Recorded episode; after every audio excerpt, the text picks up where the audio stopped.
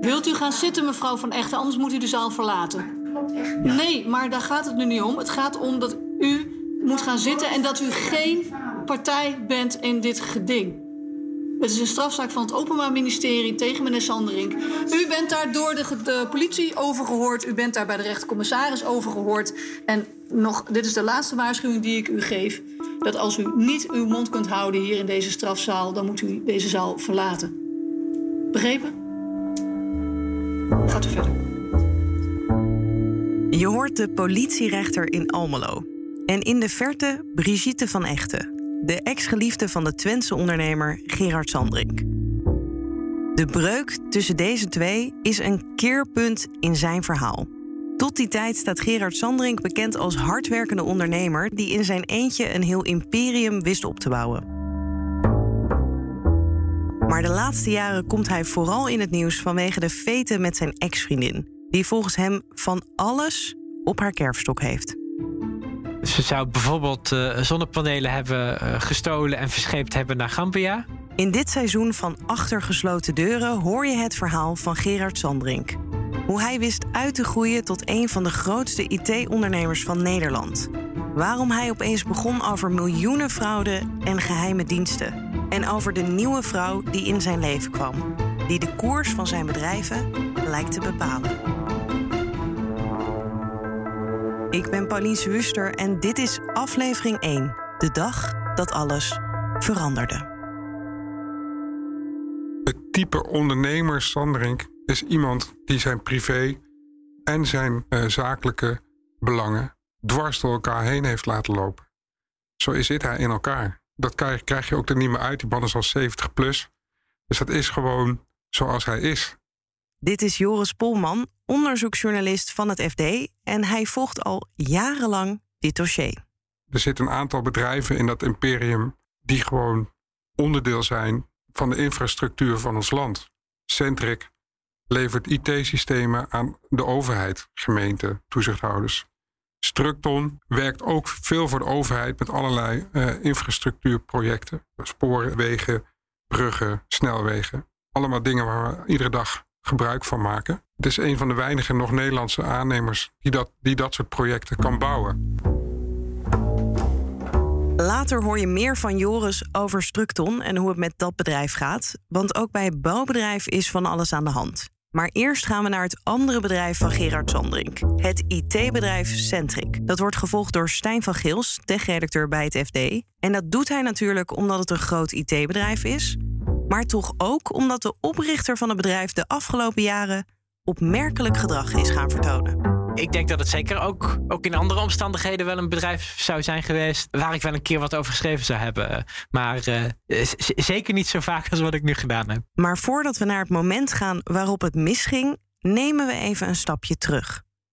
Naar wie Gerard Sandring eigenlijk is en hoe zijn bedrijven Centric en Structon ooit zijn begonnen. Want ook al heb je misschien nog nooit van Centric gehoord, de kans is groot dat je al een keer in je leven met het bedrijf te maken hebt gehad. Waar zij heel groot in zijn, zijn een aantal applicaties die gemeentes veel gebruiken. Dus bijvoorbeeld voor de inning van belastingen, voor de burgerservice administratie, de basisregistratie personen, uh, dat soort programma's. Maar ze doen ook de outsourcing van personeel bij bedrijven. Ze leveren dingen als werkplekbeheer, uh, dus het beheer van de computersystemen van, uh, van bedrijven in de retail, voorraadsystemen en kassasystemen voor bedrijven. Dus, dus eigenlijk echt van alles en nog wat op IT-gebied. Ja, daar, daarvoor kun je bij Centric terecht. En wat voor soort mensen zijn zijn klanten? Veel overheden. Veel grotere bedrijven ook. Onder andere de Nederlandse Bank is, is nu nog een klant. Uh, daarvan is wel uh, uh, ja, onlangs bekend geworden dat ze dat contract niet gaan verlengen. De Bank Nederlandse Gemeente is al heel lang klant. Lidl, de, de, de supermarkt, is onlangs klant geworden. Heijmans was klant. Dat vond ik ergens wel eh, ja, interessant, omdat Structon dus ook een bedrijf is van, uh, van Sanderink. Uh, Opvion Hypotheek is klant geweest. Dus echt van alles en nog wat. Maar vooral toch wel de iets, iets grotere organisatie is, zou ik zeggen. En Centric zelf kan je zo langzamerhand wel een IT-reus noemen. Het bedrijf is actief in 10 landen en heeft duizenden werknemers. De omzet was in 2021 ongeveer 422 miljoen euro. En het bedrijf weet jaar na jaar ruim 10 miljoen aan winst binnen te slepen. Centric doet voor 185 gemeentes onder andere de gemeentelijke belastingen en persoonlijke registraties. En dat betekent dat onze overheid afhankelijk is van dit bedrijf, dat toegang heeft tot heel veel van onze gegevens. De geschiedenis van Centric begint in 1992 als Gerard Sandring een voorloper van het IT-bedrijf opricht. En dat heette eerst uh, Sandring Beheer. En later heeft hij een bedrijf overgenomen wat, wat Centric in de naam had. En ja, nog weer later is heel het bedrijf uh, omgedoopt tot Centric. Uh, dus de, de, de start voor hem was in 1992. En hoe is dat van zo nou, relatief klein dus mm -hmm. groot geworden? Ja, door heel veel overnames te doen. en hij nam heel vaak slecht draaiende, verlieslatende bedrijven over. En daar ja, haalde hij dan vaak het een en ander van het personeel weg.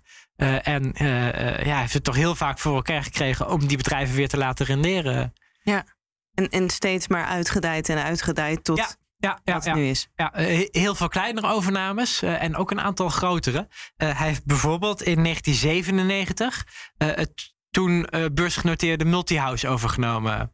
En, en dat was toen nou, wel zo ongeveer groter dan, uh, dan het bedrijf wat hij tot nog toe had. Uh, ja. En dat was ook een noodlijdend, uh, of tenminste, het was niet een bedrijf wat toen goed liep. Hij heeft daar in ieder geval een goed draaiende ondernemer van gemaakt voor jaren. Wat voor type is hij eigenlijk als ondernemer of als zakenman? Iemand die totaal niet, en dat heb je wel heel vaak in de IT, overkomt als iemand met poeha. Hij zegt gewoon wat hij denkt. En dat maakt hem ergens ook wel heel betrouwbaar. Want hij belooft geen, geen allerlei wonderen die hij vervolgens toch niet na kan komen. En misschien zit daar een deel van het succes van Centric ook wel in. Heel nuchter, straightforward. Ja, ja een, een nuchtere trend. Hij maakt ook een beetje een, uh, een, een kwetsbare indruk. En hij maakte in de onderhandelingen eigenlijk niet een heel sterke indruk op mensen. Uh, dus dat maakt dat mensen soms dachten van nou die, uh, uh, ja, hier, hier, gaan we heel mooi mee wegkomen. maar vervolgens was hij wel bikkelhard. En heel feitelijk. en wist hij precies te noemen waar pijnpunten zaten. dus ja, veranderde gaandeweg zo'n zo'n gesprek. en um, uh, ja, het is wel voorgekomen dat hij dan uiteindelijk uh, een bedrijf voor een voor hem veel gunstige prijs uh, wist binnen te halen. Ehm, ook omdat hij enorm vasthoudend is. en hij is niet heel erg van de, de sociale kant en het aardig gevonden willen worden en dat soort dingen. Ja, dat, dat maakt het onderhandelen soms ook wel makkelijker. en soms ook om, ja, om mensen die niet heel goed functioneren, om die eruit te gooien. Als je daar verder niet echt een emotionele band bij hebt, dan, dan gaat het toch makkelijker. Gerard Sandring gaat niet alleen eigenzinnig om met zijn medewerkers, hij heeft ook een aparte manier van omgaan met de media. Hij heeft wel gezegd dat hij er alles aan zou doen eh, dat ik mijn baan zou verliezen. Hij heeft ook wel gezegd dat hij de voorpagina van het FD ging kopen. En heeft vervolgens ook echt een mailtje gestuurd naar de hoofdredactie van ik ga de voorpagina kopen. Op maandag 23 december vroeg Gerard Sandring, toenmalig hoofdredacteur Jan Bonjer, per mail wat de kosten waren om het volgens hem juiste artikel op de voorpagina van de krant te plaatsen. Iets wat ons nog nooit was overkomen. De toenmalig adjunct hoofdredacteur Prisco Battes antwoordde hem een dag later. Dinsdag 24 december 2019, 12 uur 56. Geachte heer Sanderink. Jan Bonjer vroeg mij in overweging te nemen u te antwoorden. Ik doe dat met terughoudendheid, gezien uw enigszins idiosyncratische manier van communiceren. Als ik uw onderstaande mails goed begrijp, wilde u ons betalen om een interview niet te plaatsen. Ook hoorde ik van de collega die u gisteren telefonisch te woord stond, dat u heeft gedreigd ervoor te zorgen dat de auteur van het interview zou worden ontslagen. Laat ik u zeggen dat de journalistieke inhoud van het FD niet te koop is. Ook gaat u niet over de arbeidsovereenkomsten die wij sluiten. Uw aantijging dat de auteur van het interview niet te vertrouwen is, kan ik op geen enkele manier onderschrijven. Tot slot merk ik op dat het artikel dat u op de websites van Centric en Structon liet plaatsen aanvankelijk stelde dat het om een interview uit het FD ging. Dit is feitelijk onjuist. Dank dat deze zinsnede inmiddels is geschrapt. In uw artikel haalt u ook echter enkele keren het FD aan, waardoor u suggereert dat wij verantwoordelijk zijn voor de inhoud. Ik verzoek u vriendelijk deze publicatie geheel voor eigen rekening te nemen. Met vriendelijke groet, Prisco Battes, adjunct hoofdredacteur Het Financiële Dagblad. Dat, dat gaat wel ver. Uh, en het is ook voor hemzelf niet heel tactisch. Nee. Misschien, misschien dat, dat vooral ook. Want dat je ergens heel kwaad over bent, dat, uh, dat is volledig te begrijpen. Maar uh, dat je uitspraken doet die niet meer in je eigen belang zijn. Ja, dat, dat vind ik wel merkwaardig bij iemand die ja, toch ook zoveel bereikt heeft. En dat heeft Gerard Sandring zeker. Hij heeft zijn imperium helemaal zelf opgebouwd. Met het geld dat Sandring verdiende aan Centric nam hij in 2005 het ingenieursbureau Oranjewoud over. Het bedrag van ongeveer 45 miljoen euro dat met deze koop gemoeid was, betaalde hij uit eigen zak.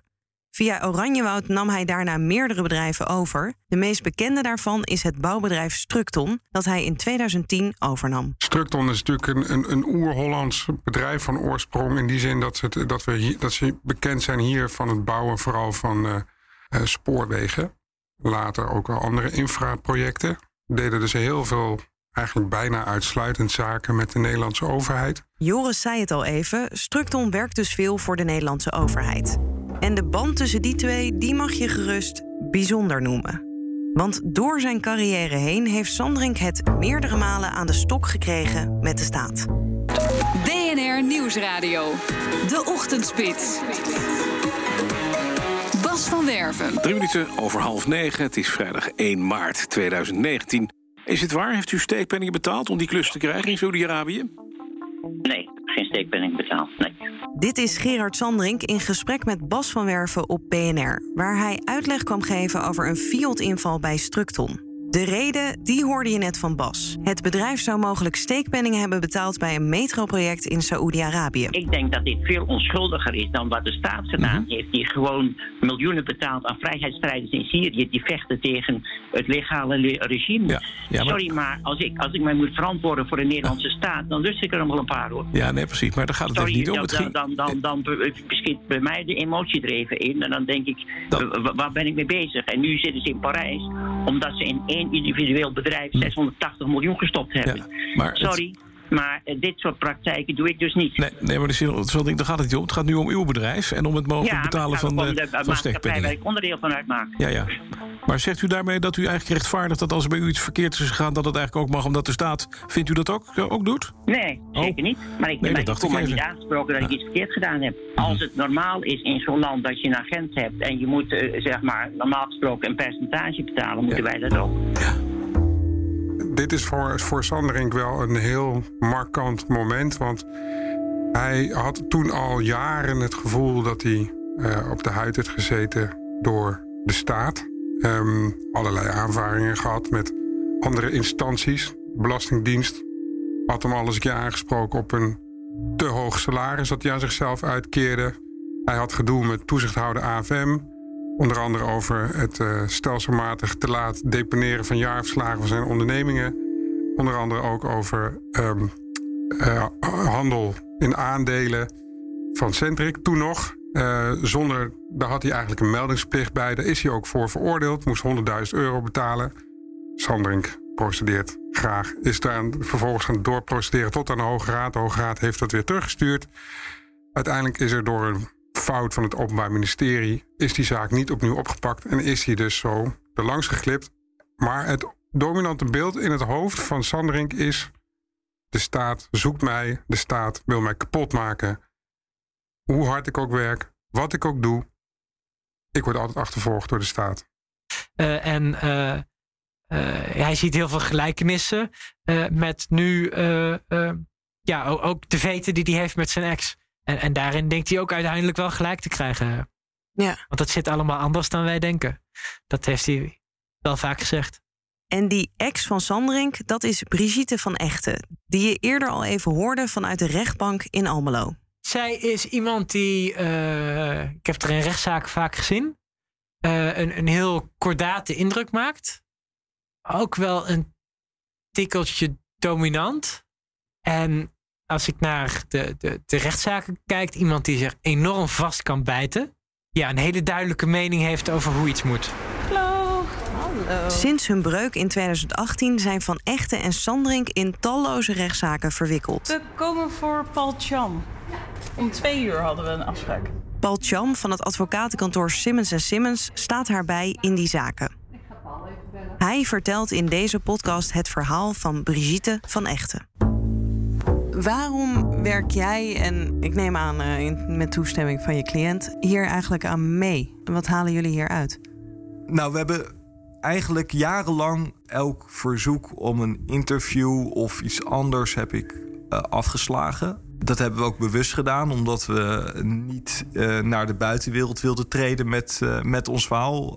waarom? Omdat ja, je, je voert de strijd in de rechtszaal dat is ook gewoon wat je moet doen. Hè? Ik bedoel, strafrechtadvocaten, daar zie je dat anders. Die, die treden vaak wel naar buiten. Maar civiele advocaten, die doen dat over het algemeen niet. En ik vind ook dat dat zo hoort. Maar uh, in dit geval is er een, een, een, een soort van kantelpunt bereikt. Naar mijn mening en naar de mening van mijn cliënt. Dat het al zo lang duurt. We hebben zoveel procedures gevoerd. We hebben alles gewonnen. Maar nog steeds gaat het maar door. Sandrink gaat maar door. Zij hadden een, een, een hele bijzondere relatie met elkaar. Uh, ze, ze, ze, ze, leerden elkaar kennen in, uh, in 2002 um, via een gemeenschappelijke vriend. Uh, en vervolgens hebben zij vanaf 2003 een relatie gekregen. Een liefdesrelatie. Een liefdesrelatie. Ze zijn gaan samenwonen. Ze deden alles samen. Uh, uh, hij gaf haar een, uh, een, baan bij een van zijn bedrijven, Dutch Solar Systems. Daar werd zij directeur en later ook bestuurder. In de tijd dat zij een relatie hadden met elkaar, zijn de bedrijven van Sandring ook gewoon heel hard gegroeid. Is daar heel veel bijgekomen. Oranjewoud is bijvoorbeeld ja, van, van een uh, nationaal ingenieursbureau naar een internationaal uh, ingenieursbureau, wat nu Antea Group heet, uh, gegaan. ja, er is echt, het bedrijf is echt wel heel veel groter geworden. En um, daar, daarin trokken Sanderink en Van Echten wel vaak samen op. En, en Van Echten had ook wel contact bijvoorbeeld met, met Karim Hemkens, de CEO van Centric, om het over zaken te hebben. dus formeel had ze niet een, een waanzinnig grote rol, want ze was alleen maar directeur van zijn uh, zijn zonnepanelenbedrijf, wat echt niet het grootste onderdeel is. Maar uh, ja, in de entourage er rondomheen zal ze echt wel meer invloed gehad hebben dan, uh, dan alleen maar die zonnepanelen. Hoe de relatie tussen de twee tot een einde is gekomen, daar zijn de meningen over verdeeld. Als je het Gerard Sandring vraagt, hebben de twee al sinds 2008 geen relatie meer. Volgens Van Echten is dat niet waar. De twee kregen in 2008 een latrelatie, maar gingen niet uit elkaar en zij speelde nog een enorme rol in zijn leven. Tot zondag 11 november. Er was niks aan de hand. Uh, in oktober uh, eh, 2018, dus een maand voordat dat gebeurde, uh, werd haar, zijn 70ste verjaardag nog gevierd. Groots. allemaal georganiseerd, uiteraard, door Brigitte. Um, ja, er was eigenlijk geen, geen veldje aan de lucht. Zondag, einde van de ochtend kwam Sandring eigenlijk altijd uh, naar het huis van Brigitte. Zoals nadat hij naar de kerk was geweest, kwam hij altijd bij haar langs. En dan ja, brachten ze samen de zondag door, kookten zij het eten. En, en die zondag kwam hij niet. Um, dus, um, dus zij belde hem en kreeg toen een ja, vrij emotionele Sandring aan de lijn. Die direct begon over um, een, een onderzoek dat zou zijn uitgevoerd door de Amerikaanse veiligheidsdiensten. Uh, in, in samenwerking met Apple, Microsoft, Google en de AIVD. En uh, die hadden, hadden, hadden ontdekt dat uh, mijn cliënten had, had gefraudeerd. Ze zou bijvoorbeeld zonnepanelen hebben gestolen en verscheept hebben naar Gambia. Ze zou harde schijven hebben met porno erop harde schijven van het bedrijf. Die dan op het bedrijfsnetwerk uh, rondzweefde. Uh, ze zou um, uh, e-mails vernietigd hebben. Ja, van alles en nog wat zou ze gedaan hebben. En ja, hij heeft er eigenlijk ongeveer alles voor over om dat te kunnen bewijzen. Nou op dat moment was hij natuurlijk uh, nou ja, extreem verbaasd. Want A, ze had niet gefraudeerd. Maar B, het hele verhaal, dat, dat rammelde natuurlijk aan alle kanten. Uh, maar dat was wel het eerste moment waarop zij wist... oh, uh, kennelijk denkt Sanderink dat, dat ik miljoenen van hem heb afgepakt. Ze was natuurlijk helemaal, helemaal van slag. Ontving zij een e-mail. Zondag 11 november 2018, 1605. Beste Brigitte, zou je zo vriendelijk willen zijn vrijwillig ontslag te nemen uit mijn stichting Gerard Sanderink? Destijds ben je in de stichting gekomen omdat wij samenwoonden en een liefdesrelatie hadden. Deze relatie is al jaren beëindigd en mijn adviseurs wezen mij erop dat de gedachte waarom je in de stichting bent gekomen al jaren niet meer speelt. Ik ga ervan uit dat je deze week schriftelijk ontslag neemt als bestuurder uit mijn stichting Gerard Sandering. Met vriendelijke groeten, Gerard van Sandering. Toen zij die mail las, uh, nou ja, uh, dacht zij natuurlijk direct... nou, die kan... A, Gerard mailt nooit. Het was bovendien geschreven van een iCloud-account. En Gerard had helemaal geen iCloud-account. En bovendien ondertekend met de woorden Gerard van Sanderink. Ja, vanaf dat moment wist zij dus dat het niet alleen Gerard was... maar dat er ook iemand, uh, ook iemand anders er waarschijnlijk bij betrokken was. En uiteindelijk zou ze erachter komen wie dat was. Maar daar zat nog een maand tussen, waarin Van Echten geen idee had waar deze beschuldigingen vandaan kwamen. Ze diende zelfs nog een klacht in bij de AIVD die haar later zou blijven achtervolgen. Want Gerard Sandring ziet een verband tussen haar contact met de AIVD en de Fiat-inval bij Structon. Ook belde ze rond om aan meer informatie te komen. En zo hoorden ze in december het nieuws over Gerard Sandring zijn nieuwe vriendin. Freddy Veldmaat, CTO van Centric, uh, die sprak haar toen aan de telefoon en die vertelde toen dat uh, Sanderink een, een relatie had gekregen met Rian van Rijbroek. Toen pas, nou, toen zij die naam hoorde, dat ze in het begin, nou ja, goed, ken haar helemaal niet. Uh, maar zij ging googelen en kwam toen inderdaad onder andere op hè, het bekende nieuwsuur-uitzending. Rian van Rijbroek is bij ons. Zij is uh, expert cyberveiligheid en schrijver van het boek uh, De wereld van cybersecurity en cybercrime. Hartelijk welkom. Dankjewel. Um, u heeft jarenlang uh, hacks uitgevoerd in opdracht van geheime diensten en overheden. Um, Klaas Knot hoorden we net zeggen, de president van de Nederlandse Bank... ja, die DDoS-aanvallen zijn aan de orde van de dag. In hoeverre zijn de aanvallen van de afgelopen dagen nou anders? De aanvallen zijn, je ziet vanaf uh, eind 2013 zie je een bepaalde trend. De aanvallen zijn groter, zijn geavanceerder. En het lijkt erop alsof iemand de beveiliging van de banken in dit geval... van de Belastingdienst in dit geval aan het testen is. Na dit rondje googelen vielen voor Brigitte van Echten alle puzzelstukjes op zijn plaats.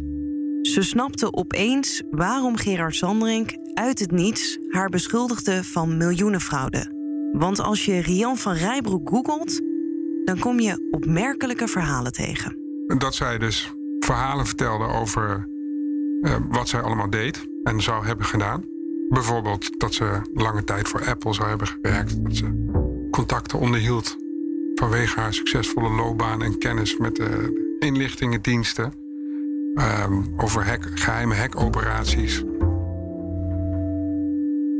In de volgende aflevering van Achter gesloten deuren maak je uitgebreid kennis met Rian van Rijbroek. En hoor je waarom de zelfverklaarde cyberexpert zo'n enorme invloed lijkt te hebben op de Twentse miljonair. Mannen met een bepaalde maatschappelijke loopbaan, met enig succes van een zekere leeftijd, raken dan toch onder de indruk van haar. En of dat dan ook nog te maken heeft met dat ze misschien een bepaalde aantrekkingskracht uitoefenen op die heren of niet. Zoals je al hoorde, heeft de relatie tussen Rian van Rijbroek en Gerard Sandring grote gevolgen voor het leven van zijn ex. En voor zijn bedrijven. Want ook daar duikt de naam Rian van Rijbroek steeds vaker op. Zelfs in mailtjes naar ministers. Geachte heer Grapperhaus, naar aanleiding van de berichtgeving in de media bericht ik u als volgt. Het betreft weinig plofkraker, maar hoofdzakelijk geld uitspugende geldautomaten. Rian van Rijbroek had zowel tijdens Nieuwsuur als op Radio 1 hiervoor gewaarschuwd. Dit was aflevering 1 van Achter gesloten deuren. De andere afleveringen vind je in je favoriete podcast-app als je zoekt op Achter gesloten deuren en dan klikt op abonneren. Deze podcast is gebaseerd op de verslaggeving van FD-journalisten Stijn van Geels en Joris Polman, gesprekken met betrokkenen, gerechtelijke uitspraken en andere stukken waarin het FD inzage heeft gehad. De e-mails die je hoorde zijn ingesproken door verschillende collega's. Daarvoor onze speciale dank aan Rob de Lange en Jan Ad Adolfsen en ook aan Prisco Battes, die zijn eigen mail voorlas. Rian van Rijbroek en Gerard Sandring hebben bij monden van hun advocaat Paul Acta aangegeven niet mee te willen werken aan deze podcastserie. We hebben ze ook de mogelijkheid geboden tot wederhoor. Zij gaven aan geen antwoord te willen geven op onze vragen.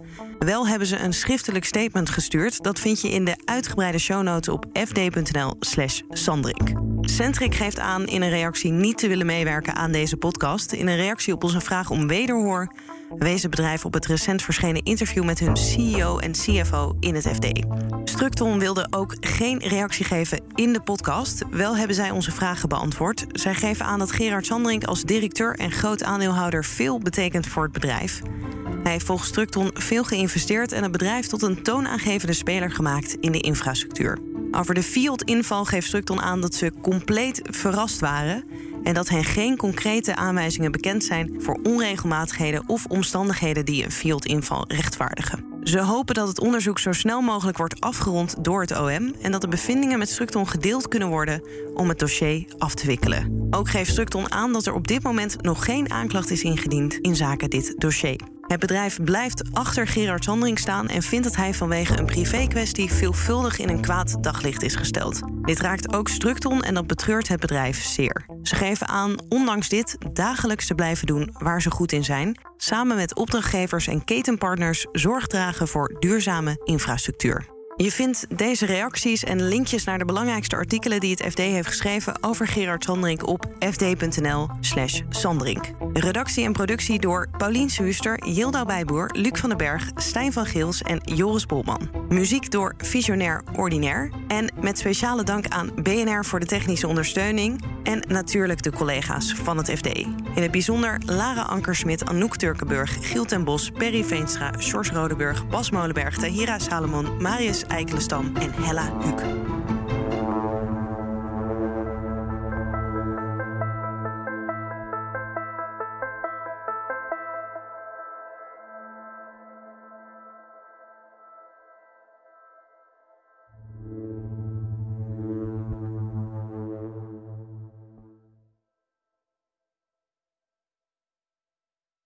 Zeg ZZP'er, heb je nou nog geen arbeidsongeschiktheidsverzekering? Insafai heeft de AOV die wel betaalbaar is. In 15 minuten geregeld, 100% online. Krijg nu 20% korting in je eerste jaar via insafai.nl slash radio.